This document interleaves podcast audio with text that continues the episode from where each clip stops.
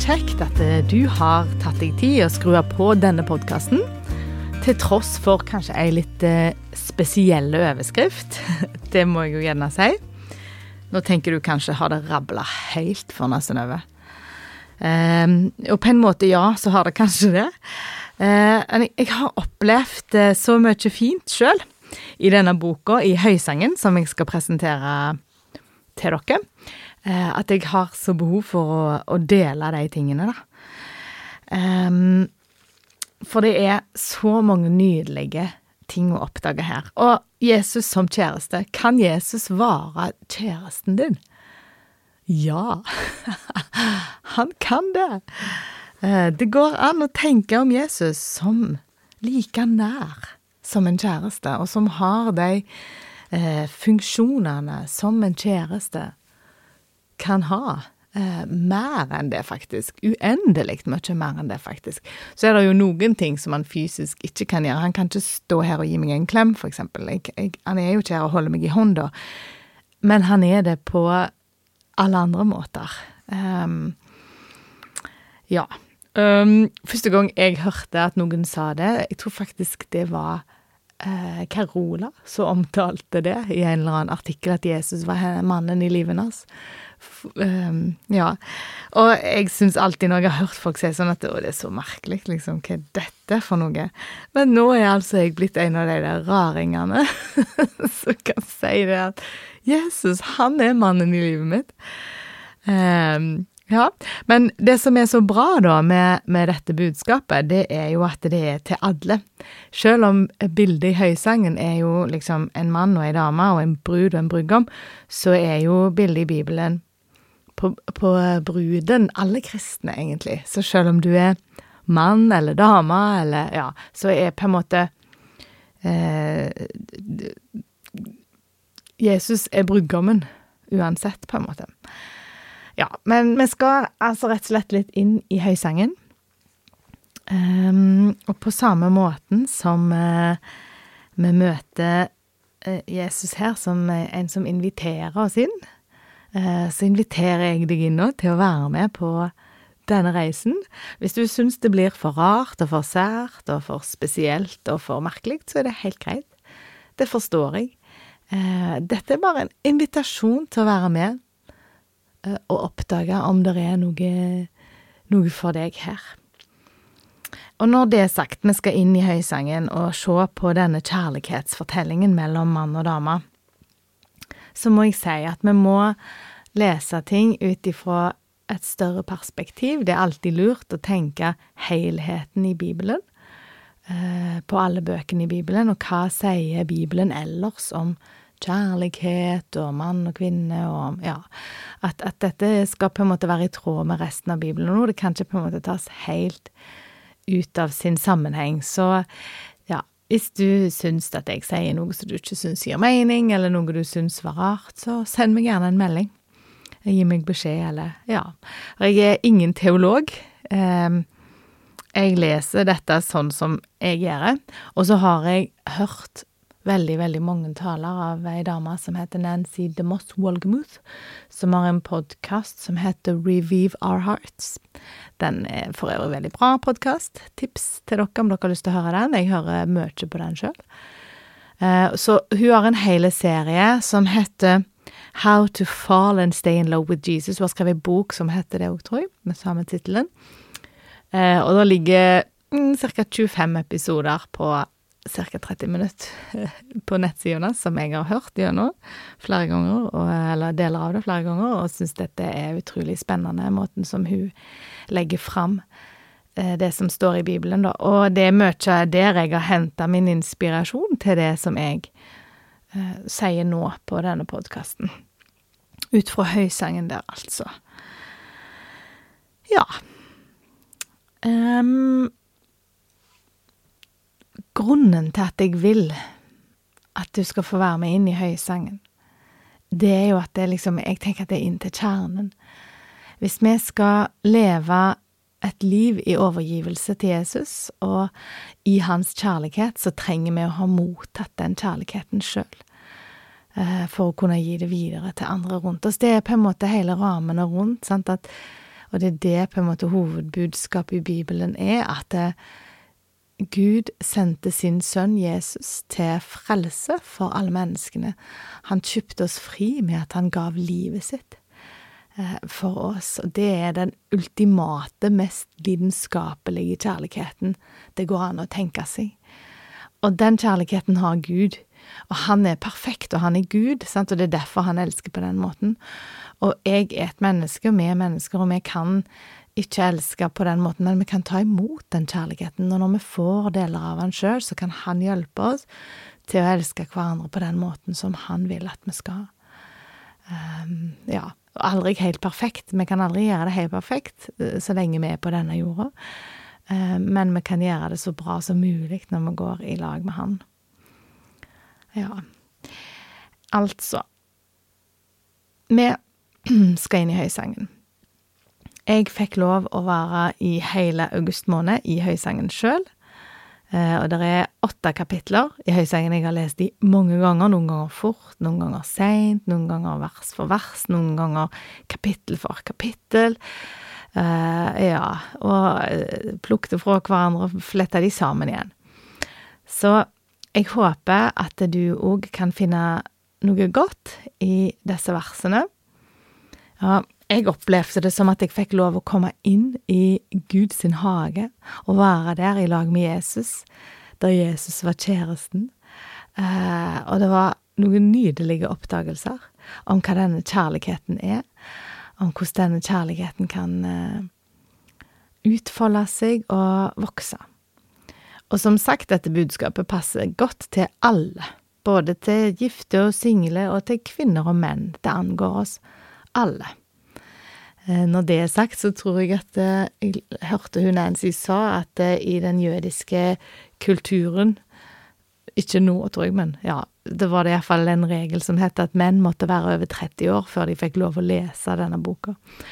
Og det har vært veldig diskusjoner om den egentlig var altfor sekulær til å være med i Bibelen. boka, altså disse åtte kapitlene, nevner ikke Gud direkte, men det er mange, mange bilder på hvem Gud er.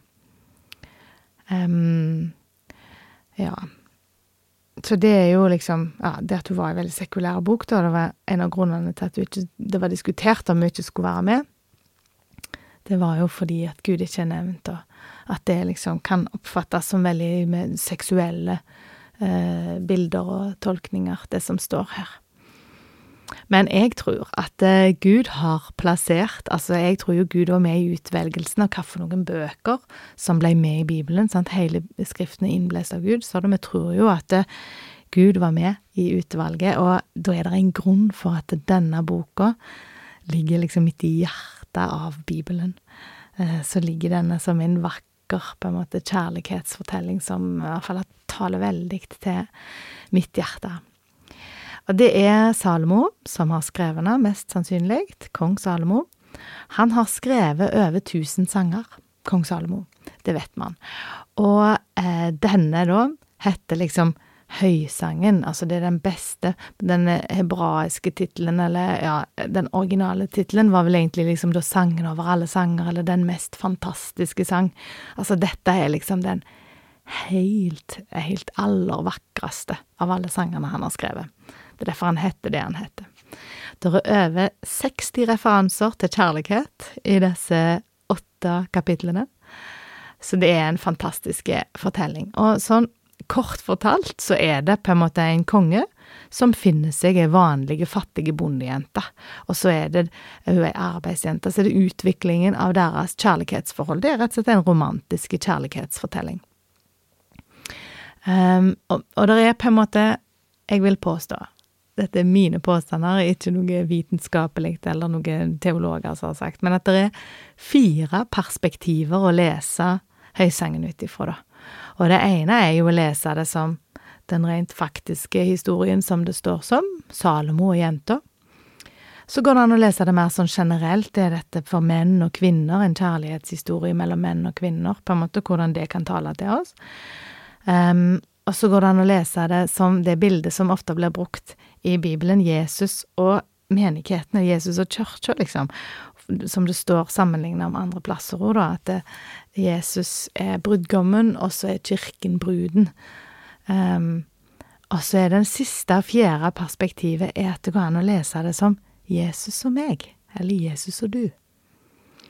Og hvordan deres kjærlighetsrelasjon, vår kjærlighetsrelasjon, kan være.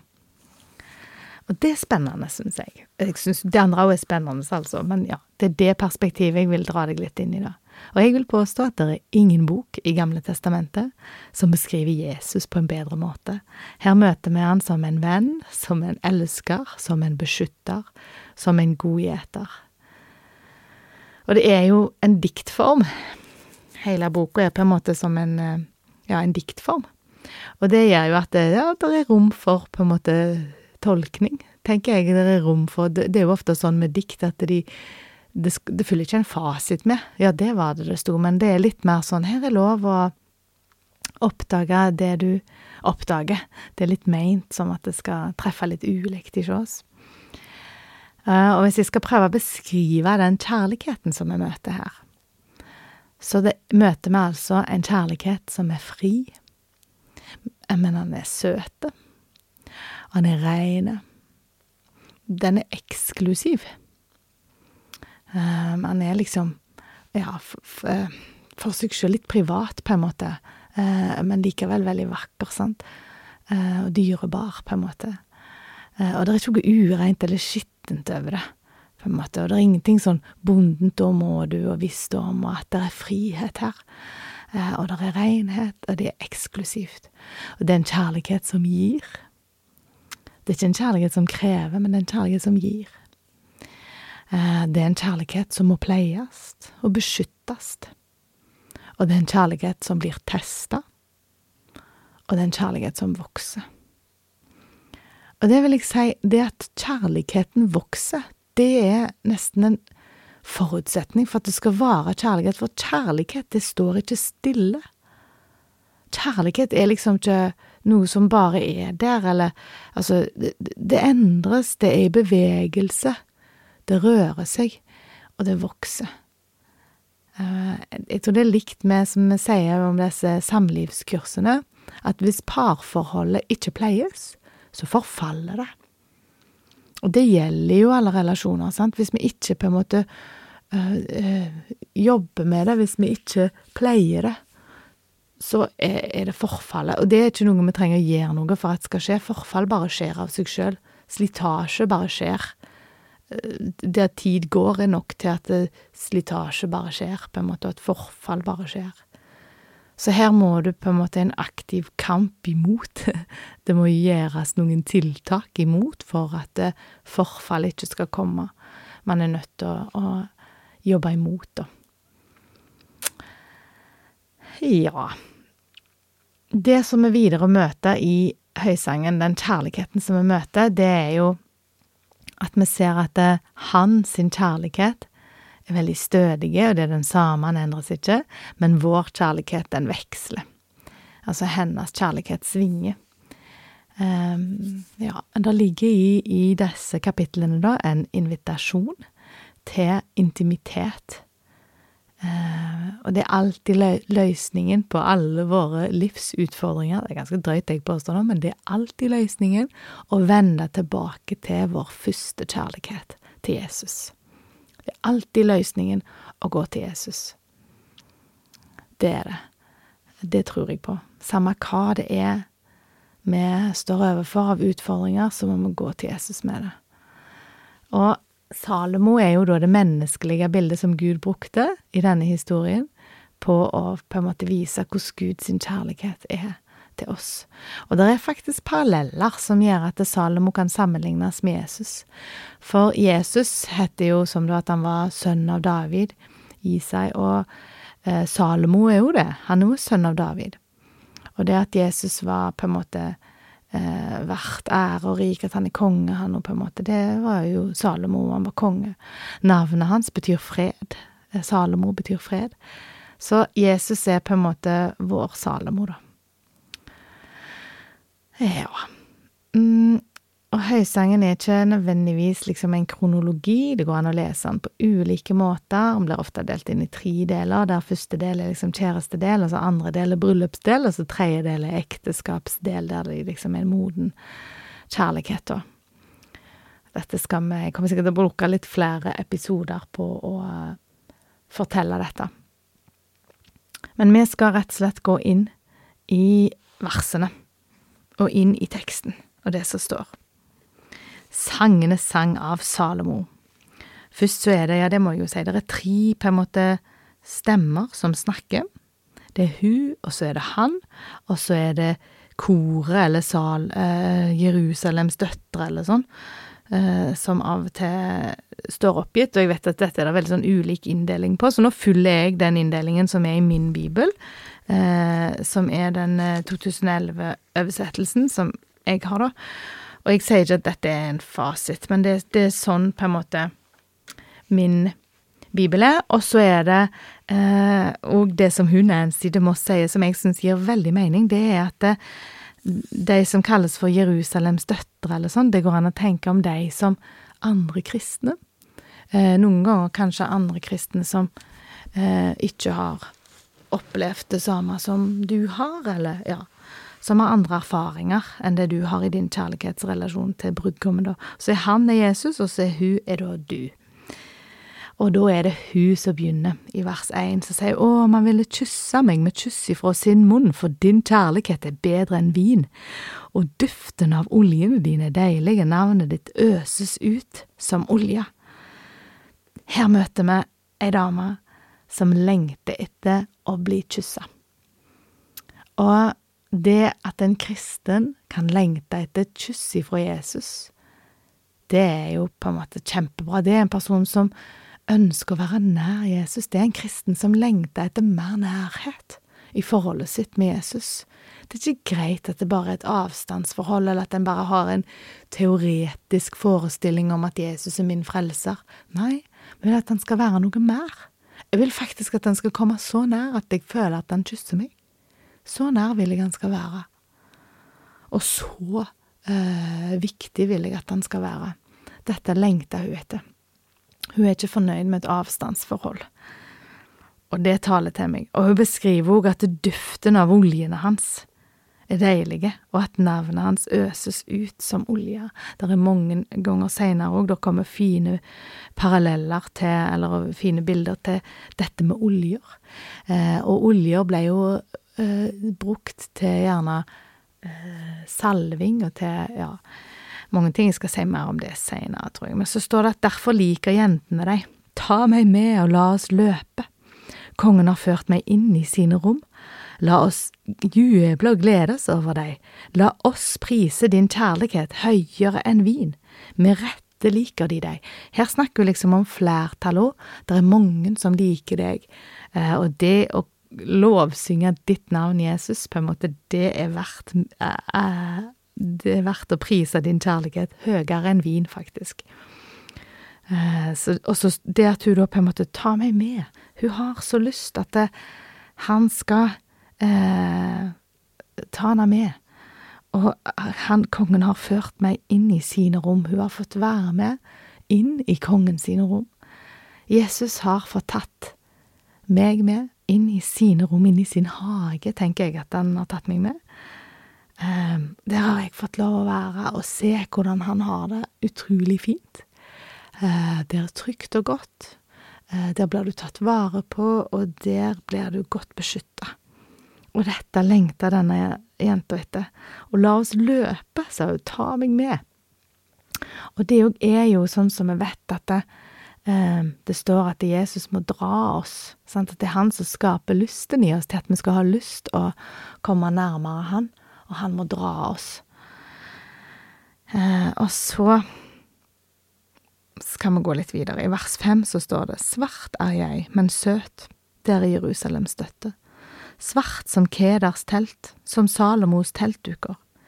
Se ikke på at jeg er så svart, at solen har brent meg, og sønnene til min mor var harde mot meg, de satte meg til å vokte vinmarkene, min egen vinmark har jeg ikke voktet. Dette tenker jeg kan bety um, kan bety mange ting, men hun sier at hun er svart.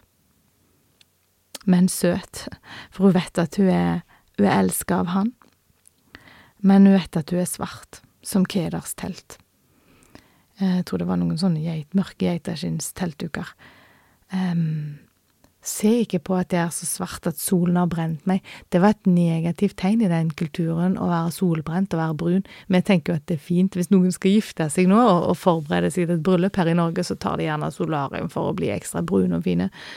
Men i denne kulturen så var det nok motsatt. Eh, at hvis noen skulle gifte seg og forberede seg til et bryllup, så måtte de iallfall ikke være solbrente, for det var jo også et tegn på at du hadde vært ute og arbeidet, og at du var fattig. Det var mer status å faktisk være hvit, eh, og ikke være brent av sola. Men så er det jo et fint bilde her, da, sant, at det, eh, når du kommer inn i, i, i kongens rom, inn i Jesus sitt lys, så ser vi synda vår. Da ser vi at oi, jeg er visst skitten. Jeg er visst svart. Jeg er ikke verdig dette. Jeg har ikke fin nok hud, er det hun egentlig sier for solen har brent meg. Og så sier hun det, dette òg, at hun sier at på en måte eh, sønnene til min mor, det er jo brødrene hennes, da, var harde mot henne. Og de satte henne til å vokte vinmarkene. Altså, hun beskriver på en måte at ja, åh, livet mitt er jo så travelt, og jeg har ikke hatt tid, jeg, til å passe på min egen vinmark, for jeg har vært så opptatt med all den andre jobben som jeg bare måtte gjøre. For familien min så sa jeg skulle det på en måte. Det var gjerne litt sånn Kanskje det er litt sånn ansvarsfraskrivelse, vet jeg ikke. Eller kanskje det er litt sånn unnskyldning, eller kanskje det Vet jeg ikke. Iallfall så treffer det meg litt. At jeg gjør litt sånn. Jeg har ikke vokta min egen vinmark. Jeg har ikke tatt på meg eh, min egen surstoffmaske først, sånn som vi får beskjed om på flyet. Først oksygen til deg sjøl, sånn at du kan være til hjelp for andre. Først tid med Jesus, Bibel og bønn sjøl. Først, Synnøve, før du kan være til hjelp for andre. Min egen vinmark har jeg ikke voktet, sier hun, for hun var så opptatt med de andre vinmarkene og den harde jobben som hun hadde. Og det må jeg òg prøve å ta til meg. Så sier hun videre, i vers, hvem kom til sju, si meg, du som jeg elsker, hvor gjeter du? Hvor hviler du ved middagstid? Hvorfor skulle jeg gå som en kvinne med slør, og vennene dine, der vennene dine gjeter sauene? Så svarer han, om du ikke vet det, du vakreste av kvinner. Følg sporene etter flokken, og gjet tjene nær gjeterhyttene. Og det er liksom eh, Hun spør altså, hvor finner jeg deg? Hvor, hvor er du henne? Hvordan kan jeg være i lag med deg, Jesus? Og så syns jeg det er så fint han sier du vakreste av kvinner. Åh, tenk å få et sånt svar. Hvis du spør om så, ja, men du, du vakreste av kvinner. Han sier det til deg, at du er vakker. Og så gir han deg et konkret råd. Du må være følg sporene etter flokken, og gjet tjenene dine i nær gjeterhyttene. Og jeg tenker det kan akkurat så bety kanskje, ja, hvis du vil finne Jesus, så hold deg nær menigheten, forsamlingene, der det er andre kristne. Oppsøk å være i lag med andre kristne. Så vil du på en måte holde deg nær meg, sier Jesus akkurat så. Så sier han i vers ni noe som er litt rart, og jeg vil ligne deg med en hoppe mellom faraos vogner, min elskede. Fine er dine kinn mellom perlesnorene, halsen din med kjede rundt. Snorer av gull skal vi lage til deg med sølvperler på. Og det er liksom, ikke, Vi tenker jo kanskje at det er en fornærmelse å bli sammenligna med en hest. Å, du er så fin som en hest. Det er jo ikke gjerne helt i vår gate å bli vant med å sammenligne med hester og synes at det er et kompliment. Men jeg tror denne hesten Eh, altså den, de hestene som var mellom faraos vogner, var veldig sjeldne hester, og veldig vakre hester. Eh, så det er egentlig et veldig fint kompliment som han gir, og de fikk veldig godt stell, disse hestene, og de ble veldig fint pynta. Og det er jo det neste som han sier, eh, at han vil gi fine gaver til henne. Han vil gi perlesnorer eh, og kjeder rundt halsen og snorer av gull med sølvperler på. Her er det altså Jesus som vil gi gode gaver til deg, som skal skinne og glitre på deg. Sånn er det. Jesus kan på en måte gi oss gaver sånn at vi blir enda vakrere. For vi vet jo i utgangspunktet at ja, vi er svarte, og sola har brent oss, og vi har ikke vokta vinmarka vår sjøl. Men Jesus, han vil gi oss fine gaver, sånn at vi likevel kan være skinnende, fine som den mest sjeldne, vakreste hestene som drar vognene til farao. Det er jo fine bilder. Så sier hun, i vers tolv, Når kongen er hos meg, dufter nardussalven min. Kjæresten min er en murrakvist. Han overnatter mellom brystene mine. Kjæresten min er en klase hennablomster på Engedis vinmarker. Dette, tenker jeg, vitner om et veldig nært forhold. Når kongen er nær, så dufter nær du nardusalven min. Når vi lever nært Jesus, så kommer det en god duft rundt oss, som de rundt oss kan merke, faktisk. Eh, hvis de kommer nært, da. Og hvis jeg har smurt meg inn med gode lukter, så kan folk kjenne det hvis de kommer nær meg. Og på samme måten så vil folk kunne merke det hvis vi lever tett med Jesus. Og faktisk, her er det når hun sier som en murrakvist, det var sånn som lukta godt, murra, eh, lukta godt, mellom brystene. Det er så nært så det kommer, det er avkledd, altså helt inn på huden, avkledd. Når du er helt med deg sjøl, helt avkledd, så vil Jesus, vil hun holde Jesus nært. Um, og hennablomster, jeg har lest at det er sånn hennamaling. Uh, så de brukte til å faktisk smøre på, på kroppen med, med, da, gjerne i forberedelse til brylluper og sånt òg. Så her er det mange bilder og paralleller eh, å tenke på. Og jeg kjenner iallfall at jeg syns det, det, er noe fint med det. Å tenke at ja, Jesus han skal være så nært til meg, til min kropp, at jeg kan tenke på en sånn parfyme som jeg har på meg, eller god krem som jeg smører på kroppen min. Så nært vil han være. Så sier han i vers 19, Så vakker du er, min elskede, så vakker du er, øynene dine er duer. Det har jeg det For det første er det veldig nydelig å få høre at du er vakker. Tenk at han syns det, og han kaller deg for min elskede. Han elsker deg. Og ennå da han vet at det, ja, solen har sett at huden er solbrente, og eh, at du ikke har vokta sin egen vinmark, dette vet han om. Men han syns likevel at hun er vakker. Og øynene dine er duer. Og der òg sa hun Nancy noe om duer. Jeg tror ikke hun eller er noen dueekspert, altså, men at det, er noe spesielt med duer. Eh, at de på en måte har et sånt blikk når vi sier turtelduer, at de, eh, de blir veldig fokusert og ser bare hverandre. Eh, de er veldig sånn ja, henger seg opp i og ser bare hverandre. Det er noe som er spesielt bare for duer. Andre fugler har det visstnok ikke sånn, men duer har det sånn. Og Det er derfor begrepet turtelduer, øynene dine som duer. Eh, mm, så er det jo noe eh, symbolsk òg, med fredfullt, sant, at eh, duer er fred og fredsteiner. Ja.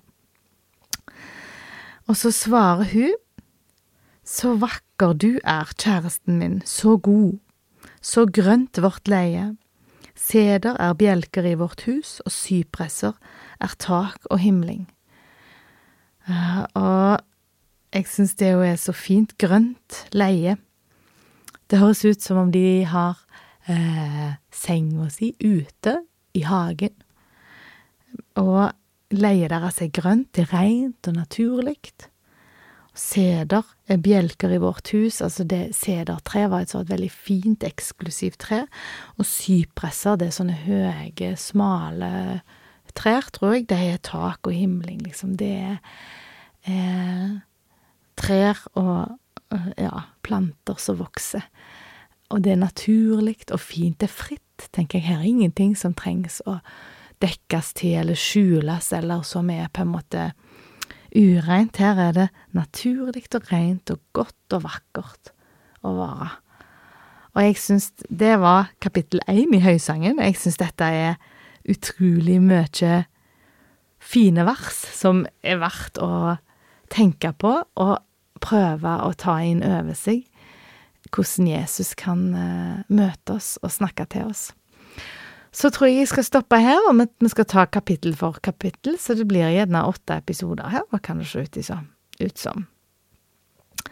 Ja, jeg har i alle fall uh, lyst å takke for at du hørte på, uh, og jeg tenker at hvis vi tør å på en måte slippe Jesus inn i livene våre på den måten som beskrives her, ta han med i alle ting som det siste du tenker på når du legger deg, eh, og tenk at han er som en, en murrakvist som du har med deg innenfor nattskjorta, mellom brystene, og at han, han eh, at han vil være med i alle ting. Han vil være nært, og at det, er, det er en ren og fin og god og naturlig relasjon å være i. Og jeg tror at hvis vi pleier relasjonen med Jesus, så vil vi få mer harmoni i de andre relasjonene vi har rundt oss. Så jeg oppfordrer deg til neste gang å prøve å være litt stille og tenke at nå setter jeg meg ned i hagen og prøver å være litt i lag med deg, Jesus, og høre hva du har å si og så tror jeg at hvis du da skal tenke på at han sier en ting til deg, så sier han 'du er vakker', sier han. 'Du er min elskede'. Det sier han til deg. Og det må du kjenne etter. Tror du på det? Tror du at det er sant? Jeg tror at det er sant. Jeg tror at Jesus elsker meg. Og det er helt fantastisk. Og det håper jeg at du òg tror. Da skal jeg eh, lese Så skal vi be, og så skal jeg lese en velsignelse til avslutning. Kjære Jesus, jeg har lyst til å takke deg. Takke deg for at du at du elsker meg. Jeg har lyst til å takke deg for ordet ditt. Takk for at høysangen er midt i Bibelen, og at det, det nå er en del av ditt ord som jeg kan få lov å ete og ta til oss og forstå mer av. Takk, Herre, for at du har lyst å møte hver og en av oss på måter som du ser at vi trenger.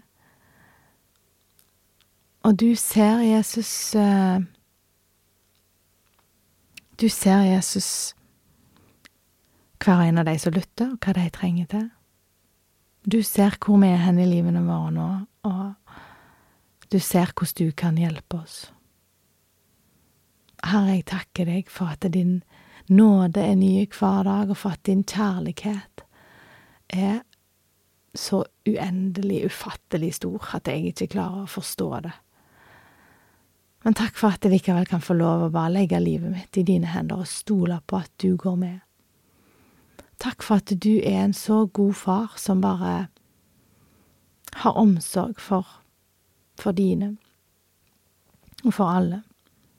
Herre, jeg ber for denne episoden, og de episodene som jeg har tenkt å lage videre, om Høysangen og om ditt kjærlighetsforhold eh, til oss, Jesus, og om vårt kjærlighetsforhold til deg. Jeg ber om at du må lære oss å vise oss det som du har for oss, Herre.